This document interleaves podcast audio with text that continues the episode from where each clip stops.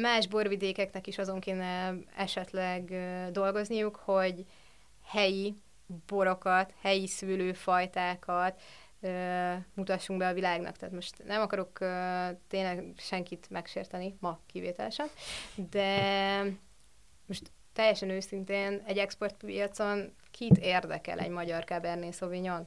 Amikor van francia, van kaliforniai, van libanoni, van izraeli, és még van ezer másik ország, aki legalább ugyanilyen jó Cabernet sauvignon tud készíteni.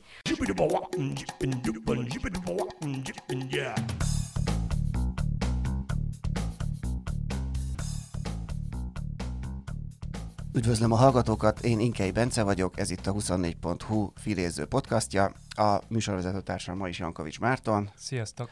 A mai vendégünk pedig Evans Victoria Sommelier. Sziasztok! E, méghozzá nem is csak az, hogy sommelier, hanem a legutóbbi magyar e, sommelier bajnokság nyertese, győztese, tavaly e, volt.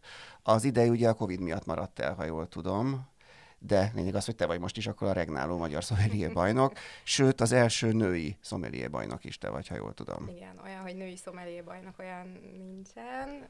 Én még az első nő nemű szomelié, aki magyar bajnoki címet szerzett. Ez nagyon fontos, ugye, mert vannak bizonyos sportágak, ahol a nőit és a férfit meg lehet különböztetni. Ja, világos, én ezzel ellen ugye azért hosszú évek óta küzdök, hogy én nem az ország legjobb női szomelié vagyok, hanem jelen pillanatban legalábbis deklaráltan az ország legjobb szomeliéje. Uh-huh. De igen, valóban az idei évben valószínűleg nem lesz megtartva, tehát jövő márciusig vagy hogyha a Covid helyzet úgy hozza, akkor akár még, még annál is tovább. Addig én, én vagyok egyenlőre az aktuális magyar bajnok. Igen, de a lényeg az, hogy te vagy az első nő, aki megnyerte mm. ezt a címet. Mennyire, mennyire férfias szakma ez a szomeli, és mennyire más a helyzet Magyarországon ebben különösen? Hát Magyarországon még azért erős visszacsengések vannak azzal kapcsolatban, hogy bizonyos szakmákban csak és kizárólag férfi dominancia van. Ez ugye tőlünk nyugatabbra már másképp van, tehát az oroszoknál is az egyik legjobb szomeli nő, a litvánoknál is, a svédeknál is az aktuális szomelié bajnokok mind nőneműek. Magyarországon mielőtt én bekerültem volna a versenyzésnek a véráramába, nem is igazán voltak nők, akik versenyeztek volna. Van, van rajtam kívül is más, aki, aki hölgy és nagyon tehetséges, viszont ők nem nagyon szerették volna az elmúlt években megmérettetni magukat, mert a férfi kollégák eléggé nehezményezik egyáltalán a, a nőknek a jelenlétét. Nekem is nagyon kellemetlen volt az első néhány év, mert ugye a legtöbb borász és a legtöbb szomeli mind-mind férfiak, illetve a Szomelié Szövetségnek a tagjai is, akik ugye zsűriznek és bírálnak a magyar bajnokságokon. Ők is 99%-ban férfiak, tehát viszonylag egy, egy, egy pionír voltam ebben a kérdésben, és nem is volt egyszerű, és nem, nem mondom azt, hogy újra csinálnám. Most már, most már nyilván kiegyensúlyozódott a helyzet, tehát most már mindenki elfogadta a létezésemet, és az egyenrangúság az bekövetkezett. De ez a nehezményezik ez miben mutatkozik meg például? Tehát, hogy ezt, ezt hogyan érzékeled? Ez csak ilyen nagyon áttételes módon, nem. vagy egészen közvetlen módon? Nem, eg- egészen közvetlen módon. Hát azért volt olyan, hogy hogy kellemetlenségek értek borkóstolókon, borászok véleményeztek, mert nem elég, hogy egyébként nőként kerültem be ebbe a szakmába, hanem viszonylag fiatalon is a többi szomeliéhez képest, tehát én mondjuk már 25 évesen a Michelin csillagos Kostasznak voltam a head szomeliéje, és hát ez nem feltétlenül mindenki számára volt szimpatikus, illetve hát azért sokszor, sokszor azok a női férfiak között zajló poénkodások, amik szerintem abszolút nem viccesek, vagy bizonyos uh, fokon úgy is mondhatod, hogy ilyen vegzálás, vagy, vagy zargatás, vagy zaklatás. Tehát én ezeken mind-mind keresztül uh, mentem, és, uh, és hát ugye a versenyzésnél is uh, nagyon, nagyon nem volt egyszerű a helyzet. De hát aztán most már ez, ezt megugrottam. És te ezeket a helyzeteket ilyenkor hogy kezeled? Tehát, hogy ilyenkor szóvá teszed, hogy beleállsz ezekbe a konfliktusokba, és így akkor hogy mondjam, van, hogy így sikerül uh, tudatosítani azt, hogy itt valami nagyon nem oké? Okay? Mindig is sikerült egyébként, tehát hogy én, én azt gondolom, hogy, hogy uh, egyrészt fontos volt ez az elmúlt években az, hogy én uh, nagyon nagyon komolyan vettem a, a továbbképzést, a készülést és, és minden hasonló dolgot. de másfelől azért én vagyok valószínűleg az első nő, aki idáig eljutott, mert én beleálltam ezekbe a konfliktusokba, hogyha lehet így mondani. Én hangot adtam annak, hogy ez egy óriási probléma, hogy nincsen egyenrangúság bizonyos kérdésekben, ami a mi szakmánkat illeti, és, és végül is hát keresztül mentem a falakon, és, és ez a konfliktus ez feloldódott, és én úgy gondolom, hogy ez azért nagyon fontos, mert akik már utánam következnek, és ez már most is látszódik, tehát most már van egy-két 20 éves fiatalabb lány, aki a szomelié pályára lép, nekik már könnyebb lesz.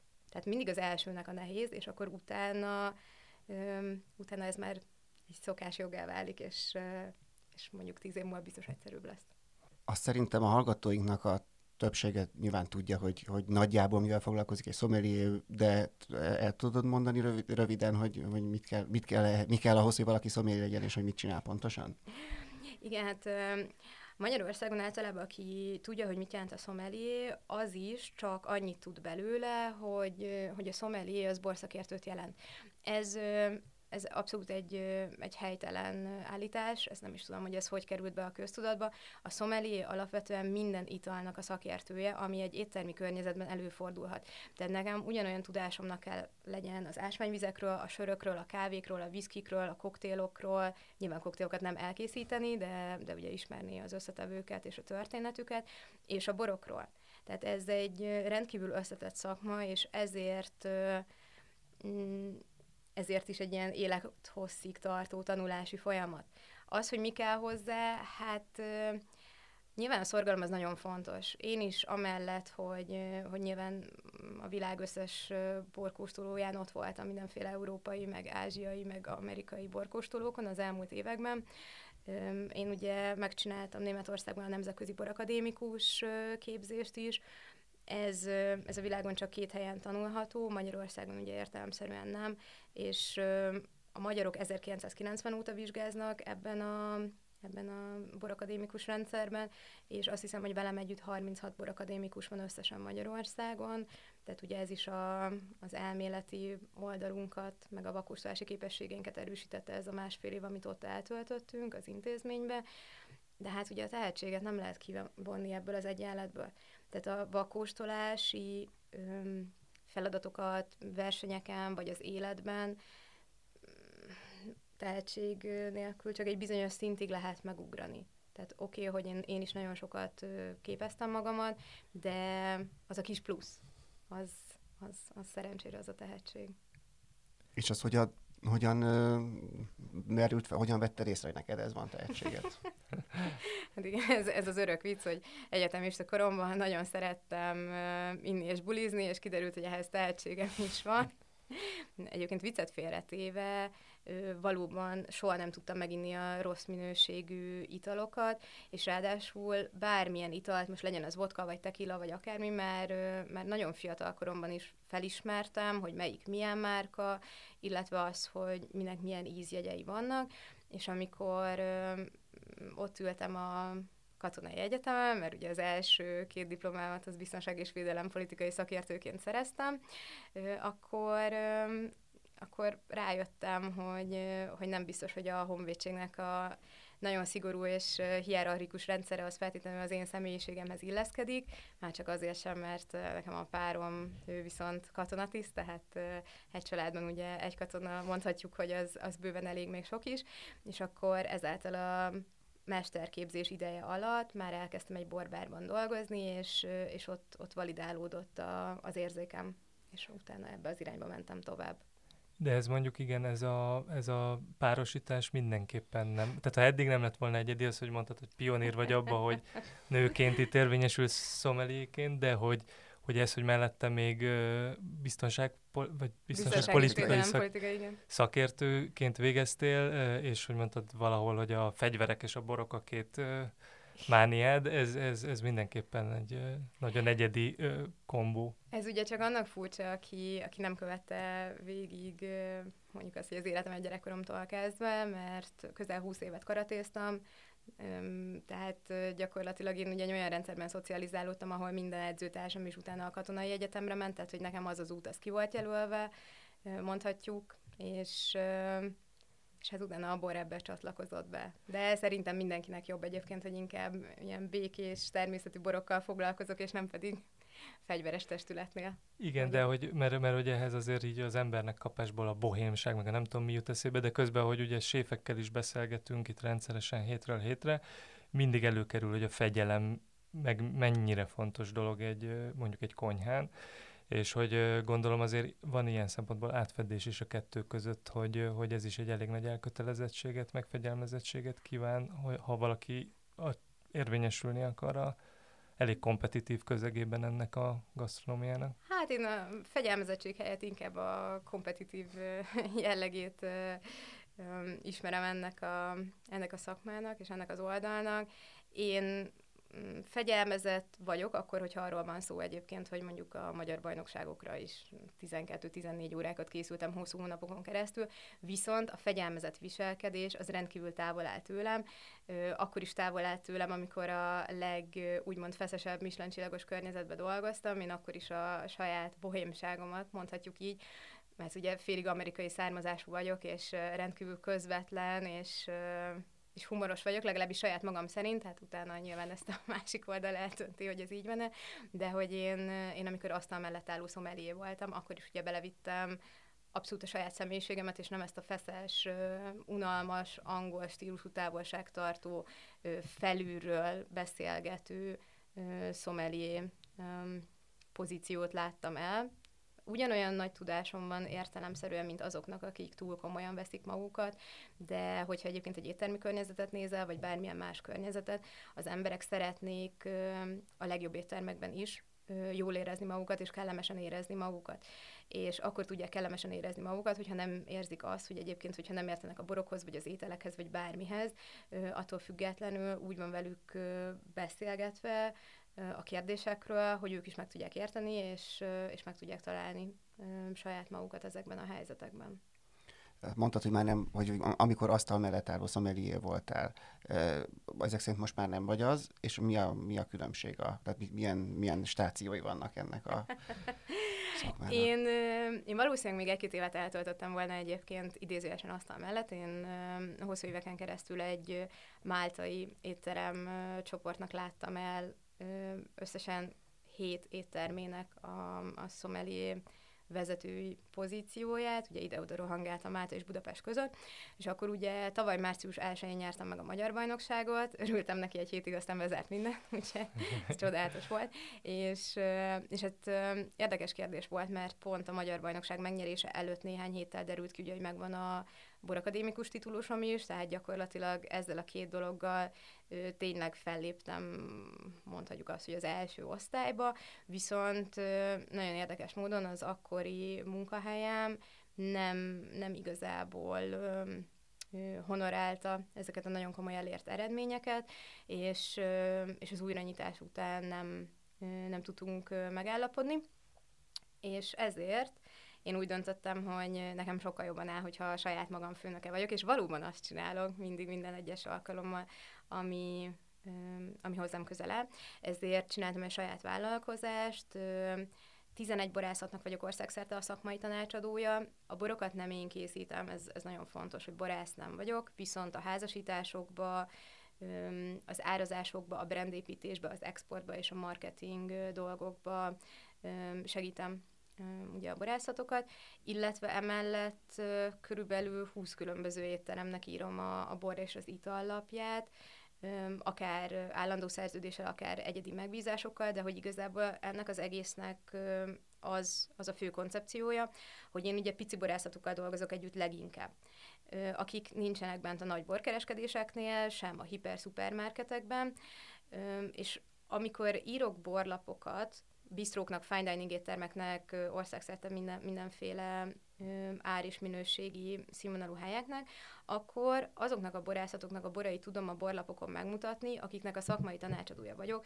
akiknek lehet, hogy két, vagy három, vagy négy hektárjuk van összesen, tehát hogy akik nem készítenek akkora mennyiséget, hogy, hogy ez volumenként meg tudjon jelenni, viszont elképesztően jó áron, nagyon magas minőségű borokat készítenek, és akkor így boldog ugye a borászat is, mert, mert nekik is ez fontos brandépítés szempontjából, boldog az étterem is, hogy nem tucat borokat vásárol, és boldog vagyok én is.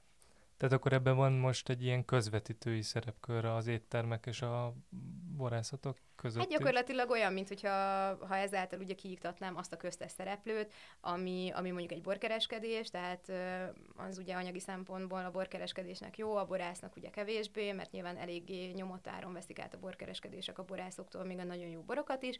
Tehát, hogy igen, én, én mint a, a, az összekötő elem jelentkezek ebben, ebben az egyenletben lehet már bizonyos éttermek étlapján is látni, hogy feltüntetik, hogy, hogy különös, amióta megnyerted a, a, a bajnokságot, hogy, hogy te állítod össze a, a borlapjukat. Ezt hogy kell elképzelni? Hogy, hogy mitől függ, miért, miért Na, tehát, hogy, hogy hogyan állítasz össze egy borlapot, és hogy, hogy mi, mi az, amire mi nem is gondolnánk, amikor ezen, erre gondolunk? Hát az elsődleges az az szokott lenni, hogy ugye kérek egy étlapot az étlapból egyrészt nem csak azt látom, hogy milyen stílusú konyhát visznek, hanem azt is látom, hogy ugye milyen, milyen árazással dolgoznak. És akkor ugye ez az első rendű szempont, hogy a konyhához illeszkedjen, illetve olyan borokat javasoljak és tegyek fel a borlapra, amik egyébként abba az árszínvonalba tartoznak. Tehát magyarán, hogyha van mondjuk egy, egy nagyon, nagyon aranyos cuki kis bistró, ők biztos, hogy mondjuk nem, nem feltétlenül abba gondolkodnak, hogy most nem tudom, mondjuk kaliforniai ezer dolláros borokat szeretnének értékesíteni. Tehát ez, ez ugye a legfontosabb, és egyébként pedig ugye az határozza meg, hogy inkább, inkább magyar vagy külföldi borokat szeretnének, vagy és milyen, milyen arányban, és hogyha ez a százalékos arány megvan, akkor megkérdezem, ugye, hogy körülbelül hány tételbe gondolkodnak, és, és akkor ugye ezt szerint állítom össze, illetve mindig szoktam kérni egy javaslatot a nyitó büdzsére, ami lehet egyébként egészen alacsony, vagy egészen magas is, tehát most mondjuk értelemszerű nevek nélkül, de, de most volt olyan hely, aki mondjuk 500 ezer forintos nyitókészletbüdzsét szeretett volna, egy másik hely meg 8 milliósat, tehát, de rólam tudni kell, hogy hogy sokan egyébként a szakmában a szomelié könyvelőnek neveznek a hátam mögön. Én nagyon szeretem a, a, a matek oldalát, és mindig, mindig inkább alacsonyabb büdzsékkel dolgozok, mint magasabbal. De akkor ez, amit mondasz, ez azt is jelenti, mert mondtad, hogy ilyen nagyon nagy a szórás, hogy uh-huh. milyen árazású helyekkel dolgozol, Persze. meg minden de akkor ez azt is jelenti, hogy van ilyen irányú tudatosság nem csak a csúcsgasztronómiában, hanem az annál sokkal hétköznapibb és hozzáférhetőbb helyeken is, hogy felkérnek valakit, hogy, szó, szó, hogy, hogy azt akarják, hogy ez tényleg, ha nem is a legtobb borokból, de hogy minőségien legyen összeállítva a dolog. Az a helyzet, hogy amikor én ezt a vállalkozást az első hullám alatt kitaláltam, akkor az összes szaktárs kolléga, mindenki azt mondta, hogy ez a világ legnagyobb marhasága, mert nagyon-nagyon rossz az időzítés. És én már akkor is azt mondtam, hogy az újranyitás után el fog telni egy-két hónap, amikor sajnos, és ez ugye még mindig tart, hogy realizálódni fog az, hogy sokkal alacsonyabb a vendégszám minden egyes étteremben, vagy bistróban, vagy teljesen mindegy, hogy milyen, milyen vendéglátóhelyről beszélünk, lehetne ez akár egy körúti talponáló is, nevezzük így.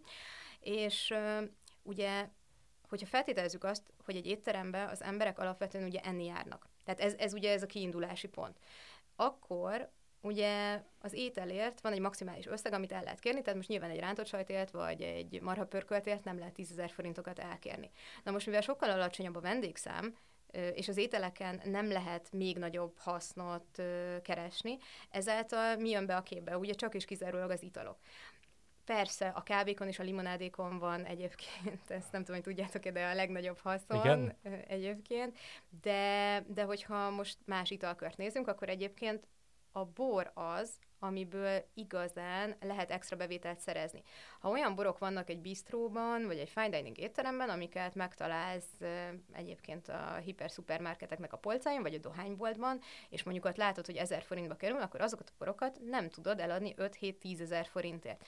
És itt jön be az a képbe, hogyha ha mondjuk valaki engem megkeres, akár bistró, akár bármilyen másik étterem, hogy, hogy esetleg segítsek nekik, akkor az idézőjelben az csak egy egyszeri költség, hogy én leülök, elbeszélgetek, megcsinálom, kidolgozom, kiszámolom, sőt, még egyébként meg is szoktam rendelni az első árukészletet az éttermeknek. Ez egy költség, ami adott esetben egyébként lehet, hogy elsőre talán magasnak is tűnik, de az első hónapban annak a sokszorosát hozza vissza az, hogy nagyon jó beszerzési áron, elképesztően jó minőségű borokat tudok prezentálni, Nyilván a borászokkal is van ugye személyes kapcsolat jobb áron, vagy esetleg kis tételeket megvásárolni egy étteremnek, amiből mondjuk csak 100 vagy 200 palack készült, és, és nyilván sokkal nagyobb haszonnal is el lehet adni, mert azért a sokat segít az ember életén, hogyha ha Google-be beírsz egy bort, akkor nem rögtön dobja ki a 82 találati lehetőséget, hogy egyébként a nagy neveknek a borait hol és mennyiért tudod megvenni.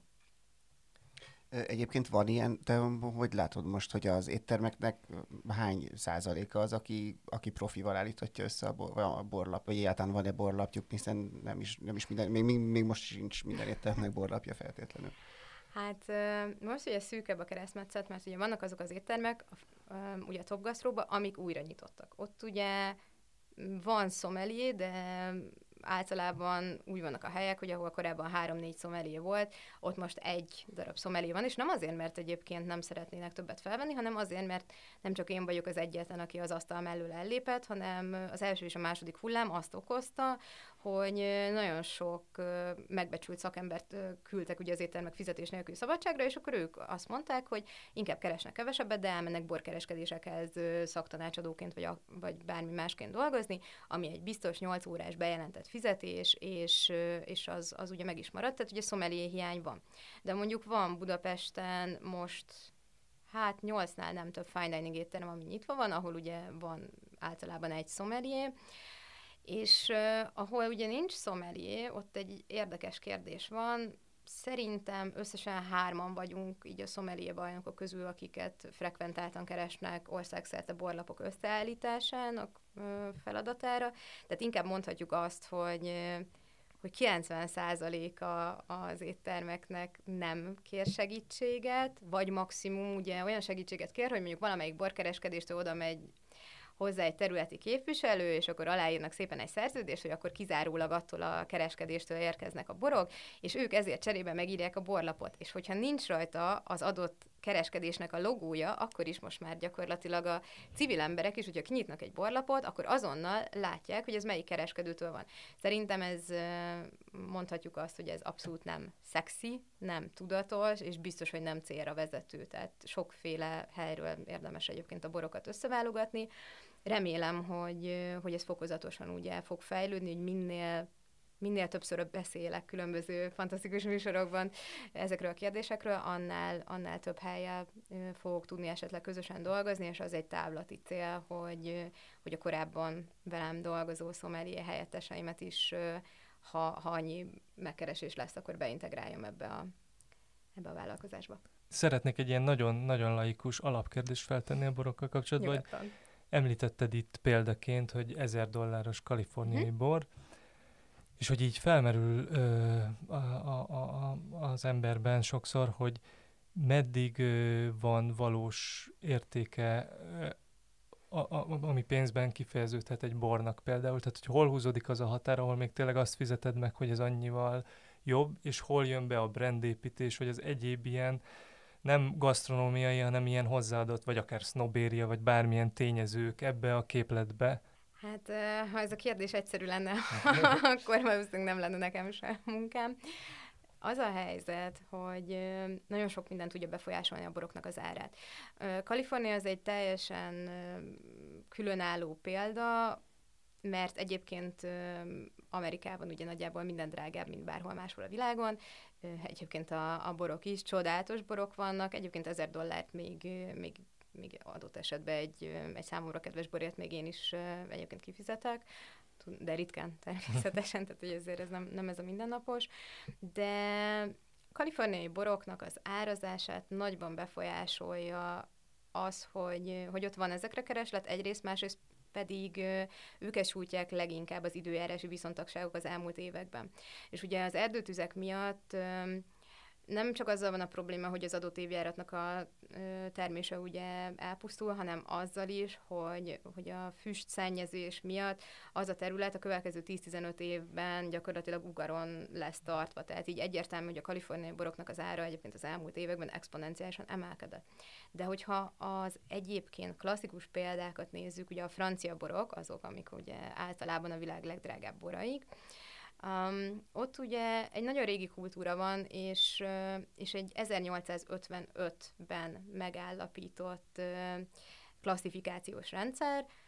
Oda ugye beesnek bizonyos, bizonyos sátók, bizonyos kastélyok, azoknak az ára rendkívül magas, illetve Bordó mellett Burgundiában is vannak ugye olyan történelmileg egészen hihetetlen borászatok, amiknek az ára akár ugye 10-15 ezer euróra is tud rúgni. De most az, hogy mennyit ér egy bor, most egy olyan borászat, ami 1395 óta létezik, azt gondolom, hogy ott ö, azt a vegyük azt, hogy ezt a 700 éves tapasztalatot, hát ö, azt, azt, azt meg kell és meg is lehet fizetni alkalmanként. De a valóságban én úgy gondolom, hogy, hogy ott a lélektani határa szerintem egyébként ez az 1000 dollár, 1000 euró környékén van. Ami a fölött van, most legyen ez bor, vagy pesgő, vagy, vagy gyakorlatilag bármilyen egyéb termék, az, az már a név. Uh-huh. De valóban van különbség mondjuk egy 10 ezer forintos és egy 100 ezer forintos bor között. Az, Na hogy igen, mondjuk 100 ezer forint uh-huh. és 300 ezer forint, azt már megmerem kockáztatni, hogy ott inkább már mondjuk lehet, hogy én érzek valamiféle különbséget, de de vannak különbségek, viszont ugye Magyarországon annyira extrém drága borok nincsenek, még egyelőre, tehát hogy magyar viszonylatban azt gondolom, hogy szerintem most a létező borok között, hogyha nem tokai eszenciáról van szó, akkor, akkor polci árban én nem nagyon hiszem, hogy egyébként van 70-80 ezer forintnál drágább bor. És akkor ezek reális, igen, akkor ezek reális különbségek általában, amik ár, árban lecsapódnak. Külföldön igen, magyar boroknál még, még óriási problémát okoznak a, az árazásbeli tévedések, nevezzük így joviálisan ezt a kérdést. Azoknál a borászatoknál, akikkel ugye együtt dolgozok, mint szakmai tanácsadó, ott ugye van szerencsére beleszólásom és ráhatásom a, a polci árakban, más borászatoknál ugye nincsen, és nagyon sokszor rendkívül túlárazottak a borok, és most teljesen mindegy, hogy fehér vagy vörös. Nem tudom, hogy, hogy ezek a viszonyrendszerek vagy viszonyítási pontok hogy alakultak ki. Vannak elképzeléseim, de ugye semmelyik borvidéket és semmelyik borászatot nem szeretném megsérteni, de ezek az árazásbeli tévedések a 90-es évek elejével, a hmm. rendszerváltás után kezdtek el kialakulni. Ezeken dolgozni kell, mert ugye mindenki, aki kedveli a borokat, és nincs éppen Covid, akkor ugye mindenkinek lehetősége van egyre többet utazni. És most mindegy, hogy ez Spanyolország, Franciaország, Olaszország, vagy a világnak bármelyik része, az emberek szembesülnek másmilyen borokkal, és azzal, hogy azok a borok mennyibe kerülnek. És én azzal szoktam példázni, hogy a Spanyolországban az utolsó utáni faluban eltévedsz, és bemész egy 5 négyzetméteres boltba, és leveszel egy, egy óriási vörösbort szeretnél inni, és leveszel 20 euróért egy vörösbort, dögös lesz, jó lesz, koncentrált lesz, és és elképesztően jó élmény lesz. És ez Franciaországban is ugye ugyanígy igaz. Tehát még ezen, ezen azt gondolom, hogy még egy, még egy picit kell a magyar borok tekintetében dolgozni. Egyébként mennyire a magyar, azok, az éttermek, ahol te dolgozol, ott mennyire, hány százalékban van a magyar bor, és mennyiben, mennyire, kül, mennyire hoznak be külföldi borokat? Én azt szoktam javasolni, hogy hogy egyébként arányaiban úgy legyen, hogy mindenképpen több legyen a magyar, mint a külföldi, és, és a pesgő sámpány kérdést azt külön kezdelem, tehát hogy az, az, az a borlapnak nem, nem képezi a százalékos részét, tehát ugye a champagne, prosecco, káva, termékek az, azok külön állnak a százalékoktól, de egyébként én azt szoktam javasolni, hogy 60 százalék, 40 százalék, vagy 70 százalék, 30 legyen a magyar boroknak a javára. Ami azért van, és még egyszer mondom, hogy nyilván a COVID helyzet befolyásolja ezeket a kérdéseket is, mert az az érdekes benne, hogy a magyarok többsége éttermi környezetben is magyar bort szeretne fogyasztani. Ez, ez számomra is meglepő, de így van. Tehát, hogy van valamiféle ö, jó értelemben vett borhoz kötődő hazaszereteti érzület. és amikor vannak ugye külföldiek Budapesten és, és egyéb városokban, ők is ugye magyar borokat szeretnének kóstolni. Tehát, hogy én ezért gondolom azt, hogy, hogy jobb, jobbak az arányok úgy, hogyha a magyar borból van több. De hát attól függ, hogy mekkora a borlap nyilván. Tehát most azért én nagy borlapokat is írok, ilyen két 300-500 tételes borlapokat is, tehát ott aztán mindenre van hely. De említetted a rendszerváltást, uh-huh. és mikorra datálódik az a, az, az, a, az a felismerés, hiszen én ugye gyerekként mindig azt hallottam, és szerintem nagyon sokan, hogy a magyar borok világhírűek, hogy, hogy magyar borászat, bor nagyhatalom vagyunk, és a többi. Aztán, Mindenben is, amúgy nem. Igen, és aztán egy idő után kiderült, hogy azért ez mégsem egészen így van, és ugye akkor jött a, a nem is tudom mikor, ez inkább a 2000-es években indult akkor ez a, ez a, ez a reneszánsz itthon, aminek most már látjuk a, az eredményét, hogy ennek te mit, mekkora lehetőséget látsz még ebben, hogy a fejlődésben? Hát Magyarországnak a bor nagyhatalmi pozícióját azt egyetlen egy dolog validálja, és validálta mindig is, és ugye ez viszont egyértelmű, hogy a tokai aszú.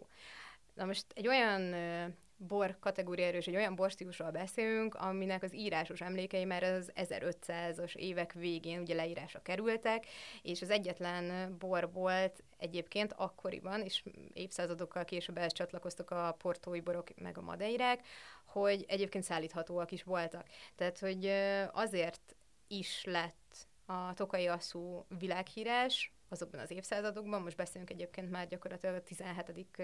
századról is akár, mert az orosz udvarba, a francia udvarba is el tudtak jutni, és ráadásul még emellett fantasztikusan jó minőségűek is voltak. Tehát ugye azért, hogyha hónapokig szállítasz valamit hőmérséklet szabályozás nélkül, akkor azért nem, nem, nem túl sok az esély arra, hogy a, hogy a nap végén ez bor lesz, és a tokai a borok voltak. Mindenki egyértelmű az egész világon, hogyha kimondod azt, hogy magyar bor, akkor Tokajra fog asszociálni, és ez így helyes is, és rendben is van. A probléma azzal van, hogy a világ ízlése most jelen pillanatban ugye az egészségtudatosság miatt elfordul a cukortól, és inkább a száraz, könnyed, alacsonyabb alkoholú ö, borok irányába ö, halad, tehát ugye az aszú az megmarad egy ö, egy... Kuriózum? Egy, hát igen, és, és megmarad a világ legjobb édesborának, ezt, ezt biztosan állíthatom, mert rengeteg édesbort kóstoltam az egész világról, de másmilyen, másmilyen irányba kell haladnunk, hogyha a bor nagyhatalmi szerepkörre szeretnénk törni, és az egész biztos, hogy nem a bikavé, ami ugye a rendszerváltás előtt készült, sokkal nagyobb mennyiségben, mint amennyit egyébként az egri borvidék ugye összességében mondjuk tíz év alatt el tudott volna készíteni, de hát ez már csak ilyen szemantikai, meg matematikai kérdés, ezt, ezt hagyjuk is. Sokat kéne dolgozni a bor export kommunikáción, és nagyon előremutató lenne, hogyha esetleg más borvidékek is azt a példát követnék, mint Tokaj, hogy most ugye Tokaj kiemelte a száraz furmintot, mint mint export lehetőséget, és egyébként a világ borszakértőit nagyon érdekli is, és most már nagyon sok két-három Michelin helyen is találkozunk száraz tokai furmintokkal, akár ugye a leghíresebb családtól, a Szepsitől, akár kisebb borászatoktól is. Más borvidékeknek is azon kéne esetleg dolgozniuk, hogy helyi borokat, helyi szülőfajtákat mutassunk be a világnak. Tehát most nem akarok tényleg senkit megsérteni, ma kivételesen, de most teljesen őszintén egy exportpiacon kit érdekel egy magyar Cabernet Sauvignon? Amikor van francia, van kaliforniai, van libanoni, van izraeli, és még van ezer másik ország, aki legalább ugyanilyen jó Cabernet sauvignon tud készíteni. Tehát én úgy gondolom, hogy valahogy akkor, akkor lenne validálva az a, az a szerep, amit magunkról ugye állítunk a magyar borok minősége kapcsán, hogyha ha inkább esetleg tényleg az egri és a szexádi bikavér stílusokon kezdenének el a borászatok dolgozni, ebben egy harmónia jönne létre, tehát nem minden borászat más arányokkal és más érlelési hosszúsággal dolgozna, az is sokat segítene, hogyha egyébként a két borvidéknek a bikavér szabályozása össze lenne hangolva, és nem az lenne, hogy az öt szomeliét az leszámítva az országba senki nem tudja, hogy éppen melyik évben milyen ö, milyen érlelésen kell a boroknak keresztül menni, vagy például az, hogy mondjuk az egri kavérhez 13 féle szőlőfajta használható, a szexerdihoz meg 19, tehát hogy sok szerencsét, hogy kitalált, hogy miben mi van. Tehát én úgy gondolom, hogy, hogy egy kicsit tisztázni kéne a, a, a borokkal kapcsolatos sorainkat. Látsz ilyenfajta tisztázódást, vagy, vagy említetted most Nem. ezt a... Nem. Szeretnék, remélem, hogy Mhm. ezek Tehát a beszélgetések hozzásegítenek. Egyébként azt, azt nem tudom, mennyire tudom jól, hogy a ö, magyar ö, vörösborok talán, de lehet, hogy általában is a magyar, általában magasabb alkoholtartalmúak, mint a, a mint a külföld, hasonló kaliberű külföldiek, és hogy ez, ez, ez minek köszönhető. Um, egy bornak az alkohol tartalmát, főleg a vörös boroknál azért nagyban befolyásolja az, hogy milyen, milyen klímaövezetben ö, ben készül az, adott bor. Tehát most az egyértelmű, hogy mondjuk Olaszországnak a legdélebbi részén, tehát mondjuk a pújai borok, vagy mondjuk a kaliforniai vörösborok, azok magas alkohollal rendelkeznek. Tehát most ezeket a nagyon-nagyon-nagyon meleg meleg országokat, most ezt így ki is, ki is hagynám ebből a gondolatmenetből, de Ma- Magyarországon valóban az divatos, hogy, hogy bizonyos borvidékeken a vörös borok ilyen 15-16 vagy akár 16 és feles alkoholig felfutnak, holott a velünk megegyező klímával rendelkező országoknál, ugye Ausztria minimálisan hidegebb, de, de megközelítőleg hasonlók az éghajlati adatai, illetve Franciaország középső és északibb részével vagyunk egyébként egy, egy éghajlaton.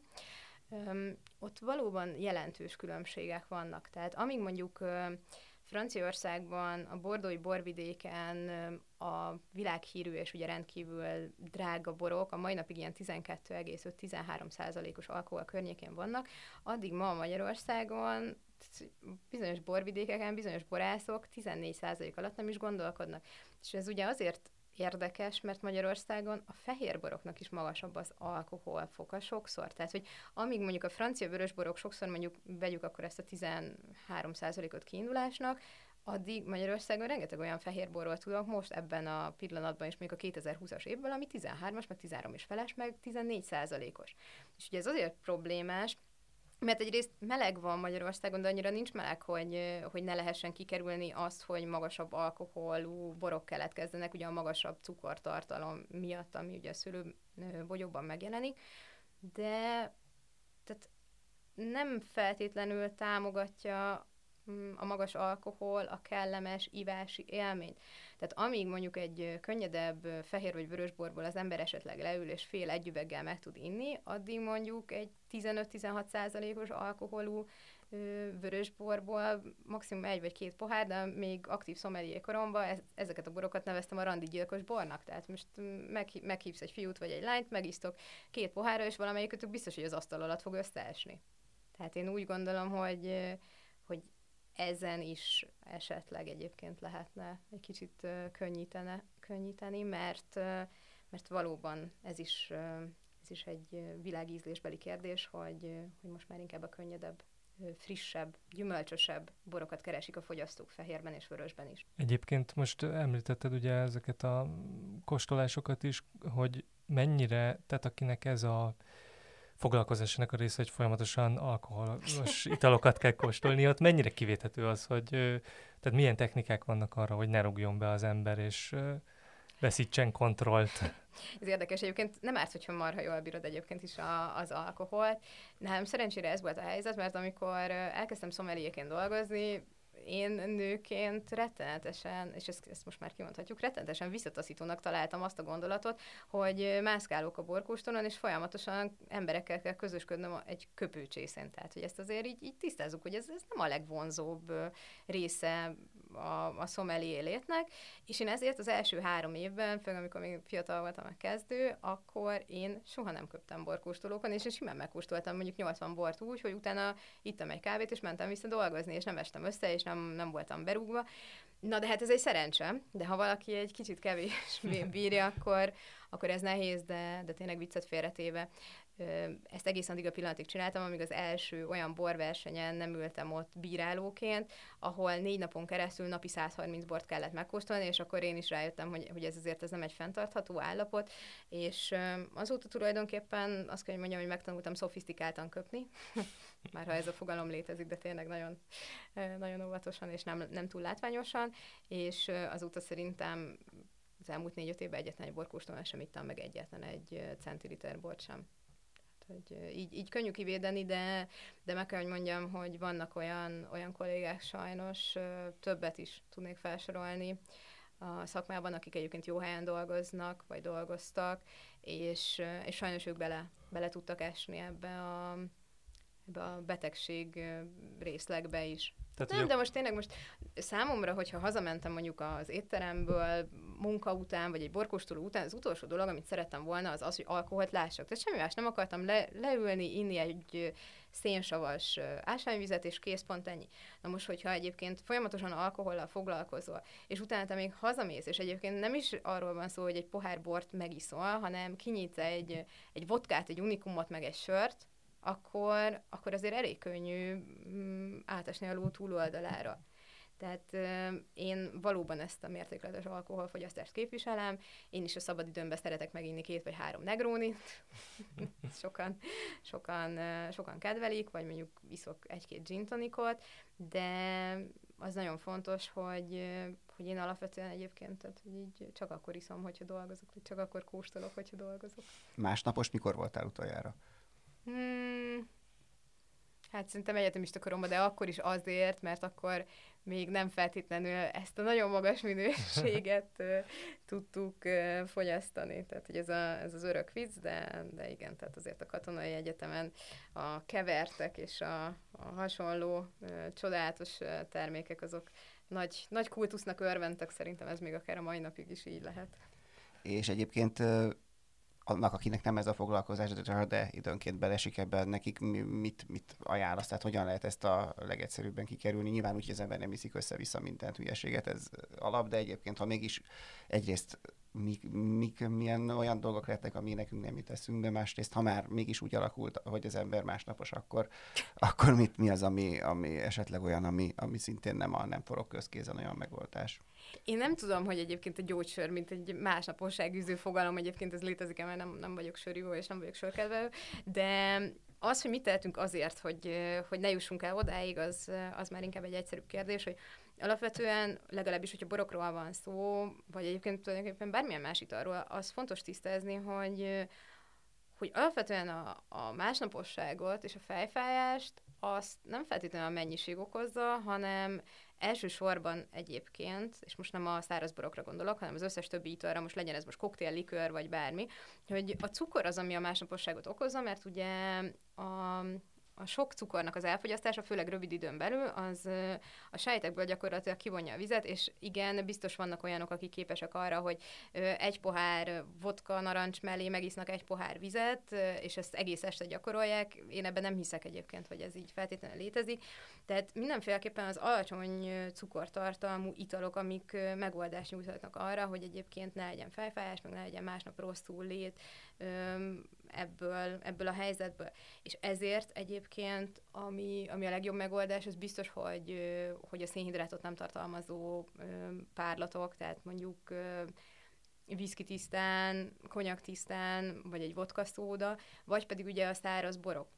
Csak ugye a száraz borokon belül is, és tudom, hogy a Bence mire, mire, mire gondolt, hogy mire szeretne rá, rávilágítani, a másik dolog, hogyha valaki mondjuk csak borozik, és mégis eszméletlen fejfájással kell másnap, akkor ez két ok miatt lehet. Az egyik az az, hogy vagy tokai asszúból megivott három üveget, és akkor ugye nem maradt víz a kis testében, vagy pedig azért lehet, mert, mert mondjuk sok friss fehérbort vagy rozét fogyasztott el. Ugye a fejfájásnak az egyik fő kiváltó oka a borok esetében az a magas kéntartalom. A kén nem egy üldözni való mm, elem, tehát hogy semmilyen egészségkárosodás nem okoz, és ö, azok, akik a kénmentes boroknak a kultuszát hirdetik, azok borzasztóan rosszul közelítik meg a helyzetet, mert Kevés kén ez mindenképpen szükséges azért, hogy a borok mikrobiológiai szinten stabilak legyenek, azért, hogy eltarthatóak legyenek, nyitott és zárt állapotban is, és azért, hogy legyen bennük fejlődési potenciál. De nem mindegy, hogy, hogy ez egy értelmezhető kémmennyiség, összkémben és, és szabad kémben, ezek azok az értékek, amik a borban megjelennek, vagy pedig esetleg a kénszín túl van húzva bizonyos érdekek miatt.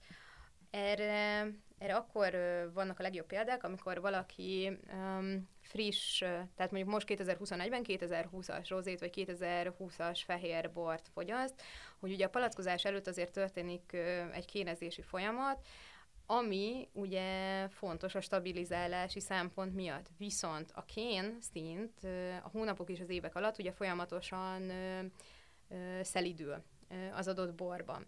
Tehát magyarán, hogyha mondjuk valaki rögtön szeret rohanni novemberbe Márton napkor az első rozét megvenni, akkor annak nagyjából majdnem biztos, hogy migrénes fejfájás lesz a vége, mert a palackozás után ugye közvetlenül kikerül a, a boltoknak a polcaira, tehát magyarán még rohadt magas a kém benne. És ugye amikor látjuk azt, hogy, hogy mondjuk egy rozé vagy egy fehér borban egyébként még egy ilyen kis maradék szénsav is van, az egész biztos, hogy utal arra, hogy nagyon friss a palackozás, és valószínűleg egyébként indukálhatjuk a, a másnapi fejfájást. Tehát ha valaki ezt észrevette, rengetegen vannak, akik nem érzékenyek erre erre a kén kénszín dologra, de akik igen, és hogyha ezt már bárki tapasztalta, hogy, hogy ilyen egy-két éves fehérbornál vagy rozé után rettenetes fejfájása van, akkor én azoknak mindenféleképpen egyébként vagy az idősebb fehérborokat javaslom. Tehát mondjuk a tokai száraz furmintok négy-öt évesen érük el a legszebb formájukat, és, és akkor sokkal bátrabban fogyaszthatóak, vagy pedig ugye a vörösborokat. Mert a vörösboroknak eleve ugye sokkal, sokkal lassabb a készülése, és a palackozás után legnagyobb ö, százalékos esetben ugye nem kerülnek ki a, az üzleteknek a polcaira, hanem még van egy vagy két éves palackos érlelés, és utána már, ö, már sokkal kisebb az esély arra, hogy egy olyan kénszint van a palacban, ami, ami felfájást tud okozni. És Egyébként van egy, van egy tök egyszerű milyen próba arra, hogy megnézzük, hogy egy bornak mekkora a kénszintje, hogy ha az embernek kitöltenek egy pohár volt, és beleszagolsz nem, nem túl távolról, tehát konkrétan, hogyha a pohárba belehelyezi valaki az orrát, és két orjukon keresztül mélyet kell belőle szippantani, hogyha ha elkezdi vágni az orrodat egy, egy ilyen kicsit fémes, kicsit szúrós érzet, akkor magas a kém benne. De hogyha uh-huh. belefekszel, és jól érzed magadat benne az orroddal együtt, akkor, akkor nem lesz fejfájás. Már itt közeledünk a adás végéhez, de még mindenképpen meg akartam kérdezni azt, hogy a fröccsel amúgy mi a helyzet mondjuk ilyen szomelié szempontból? Tehát, hogy ez egy létező, vagy ilyen megengedett Persze, műfaj? Mert hogy ugye ennek azért elég nagy hagyománya van nálunk is és hogy ez a régi bölcsesség még így kamaszkoromból, hogy, hát, hogy van a fröccsbor, ami a rossz bor, de aztán idővel megtanulja az ember, hogy ez sem igaz, Ó, hanem, nem, nem, nem, hanem ez, épp, hogy, de, de hogy nyilván az meg úgy érzi, hogy bizonyos borokat meg természetesen bűn lenne ilyen típusú Na jó, hát azért mondjuk vannak olyan dolgok, amiket azért én is uh, úgy kimondhatjuk, hogy csípőből el, elítélek, tehát hogy a, sem a vörös fröccsnek a létezését nem értem, sem pedig az aszú fröccsnek. Tehát még azért egy hat én, én sajnos láttam. Tehát, hogy azért vannak olyan, olyan borok, amik amiket valóban kérlek senki, semmilyen körülmények között, de az, hogy egyébként, persze, hogy én is izok fröccsöt, de az a világ legnagyobb tévedése, hogy tehát, hogyha egy bor rossz, vagy nem finom, mondjuk így, és ezt fröccsben megpróbálod elfogyasztani, akkor mindenki azt hiszi, hogy ez egy működőképes rendszer, csak ez az a probléma, hogy a bornak olyan a szerkezete, hogyha egyébként vízzel higítod, akkor a hibák sokkal jobban kijönnek. Uh-huh. Szóval, ha van egy nem túl jó borod, amit felöntesz szódával, akkor ez a nem túl jóból katasztrofálisan rossz lesz. Tehát, hogy én is nyilván, amikor 40 fok van, jó, hát én meg tudok inni egy-két üveg sámpányt is 40 fokba tűző napon, de hogyha nem ezt teszem, és, és mondjuk az egészségtudatosságra szeretnék figyelni, akkor én is nyilván inkább egy hosszú lépést fogok inni, de minőségi borba. És ami nagyon fontos, hogy bármennyire is szereti mondjuk valaki az írsai olivért, a cserszegit, vagy a sauvignon blanc, tehát a gyümölcsös, aromatikus szőlőfajtákat, fröccsbe borzasztó. De tényleg, tehát hogy azt nem tudom elképzelni, hogy ezek bárkinek is ízlenek. Tehát fröccsbe olyan bor kell, és én is ezeket szoktam inni, aminek neutrális viszonylag az ízvilága, és magas a savtartalma, mert akkor lesz frissítő jellegű, és a fröccsöt általában azért isszük, hogy felfrissüljünk, tehát legyen egy száraz furmint, vagy pedig legyen egy, egy olasz rizling, tehát hogy én ezeket tudom javasolni. Említetted néhány kérdésre ezelőtt, hogy példaként, hogy libanoni, izraeli és, és, és többi, és ez, én aki annyira nem vagyok, nem figyelem a, a bortrendeket, ez, ezeken például meg is lepődtem, hogy ezek ennyire jegyzetnek számítanak. Tudsz mondani olyan, olyat, ami szintén az elmúlt években lett például világon tényező, és, és nem is gondolnánk elsőre, hogy ott például ilyen, ilyen minőségű borok vannak? Hát Libanon egyébként nagyon régi borkultúrával rendelkezik, mert ott ugye alapvetően a 13. század környékén ugye a franciák vitték be a szőlőtőkéket, um, és vannak olyan borászataik, amik egyébként 150-200 évesek. Ugye Izrael a vallási és egyéb különállóságunk miatt nyilván egy, egy, egy zártabb, zártabb képet mutat, de náluk is egyébként nem, nem újszerű vannak új öm, országok, amik elkezdtek bizonyos szempontból feljönni, és egyébként ez sajnos nem sajnos, de ez valóban a, a globális felmelegedés miatt történik. Tehát most már például Svédországnak a, a déli részén van egy sziget, Löttorp, ahol, uh, ahol egy Hornsvinger nevezetű borászat 2007 óta készít borokat, és valószínűleg most még nem jó, persze nem jó, de tíz év múlva sajnos jó lesz. És például én nagy rajongója vagyok egyébként a, az angol tradicionális pesgőknek, amik amik azért ilyen fantasztikusak, egyébként van egy, egy nagyon híres a Nyetimber, és tényleg el, elképesztő jó minősége, mert sajnos a globális felmelegedés miatt ugyanarra a klíma övre kerültek, mint Franciaországban Champagne. Tehát sajnos az új belépő országok, amik mondjuk 10 vagy 50 éve nem voltak ismertek, az az, az időjárási változásoknak köszönhető, és, és hát lehet, hogy tíz év múlva, sőt, lehet, hogy arról fogunk beszélgetni, hogy melyik a kedvenc norvég borunk, vagy uh-huh. például mondjuk Dániában már saját klasszifikációs rendszerük van. Tehát mondjuk ilyen területi és minőségi besorolások vannak a borokra.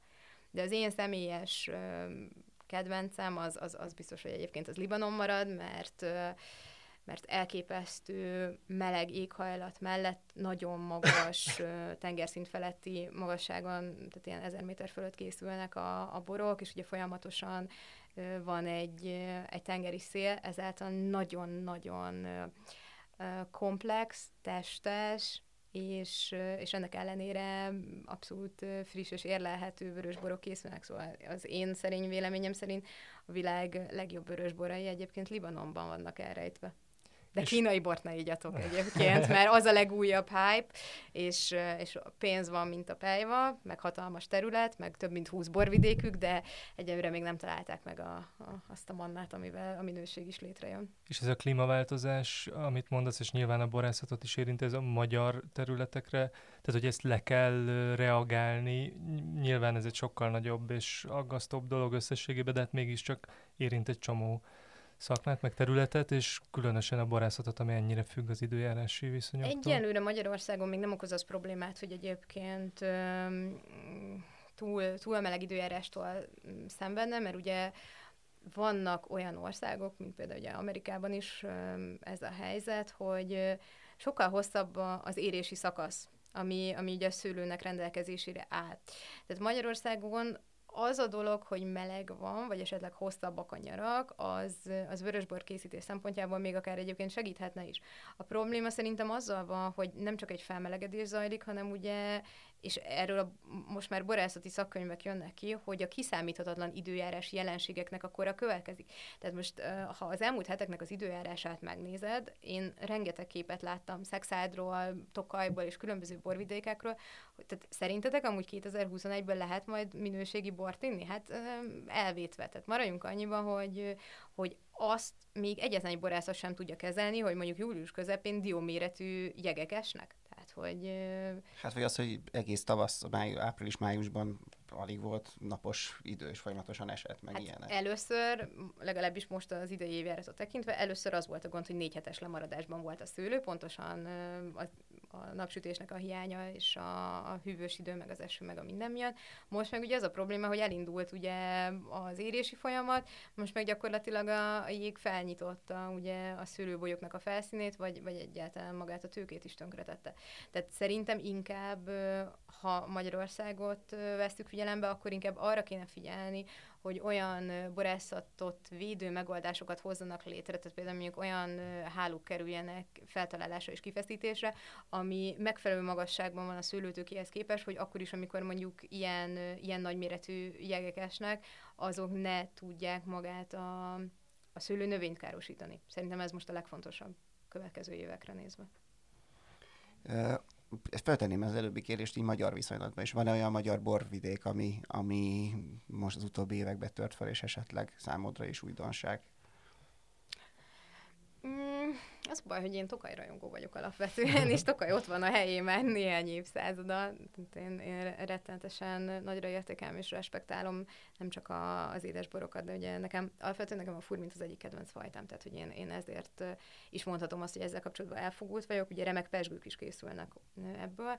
De egyébként a másik, ami, ami számomra abszolút egy, egy kedves borvidék, az nekem Badacsony és ott is azért, mert vulkanikus talajban, tehát úgy látszik, hogy nekem, nekem ez a becsipődésem, hogy én szeretem a nem túl gyümölcsös, neutrális, magasabb savtartalmú fehér borokat, és Badacsonyban szerintem óriási potenciál van, mert Persze most, ha túljutunk azon, hogy Badacsonyban egyébként van olasz rizing, meg szürke barát, akkor nagyon sok érdekességet tudunk találni. Tehát vannak egészen egyszerűen olyan helyi védett eredetű szőlőfajtáik, a kéknyelű és a budai zöld, amik egymásnak a beporzó párjai, tehát a női és a férfi szőlőfajta, és az, azok csak ott is, ott is léteznek Badacsonyban, vagy például egyébként más kevésbé ismert szőlőfajták, mondjuk a vulkánusz például, tehát hogy abban én látok, látok fejlődést és látok potenciált. Nehéz a kérdés, mert Magyarországon 22 borvidék van, több borvidék van, mint Olaszországban, ahol megelégedtek 20 területi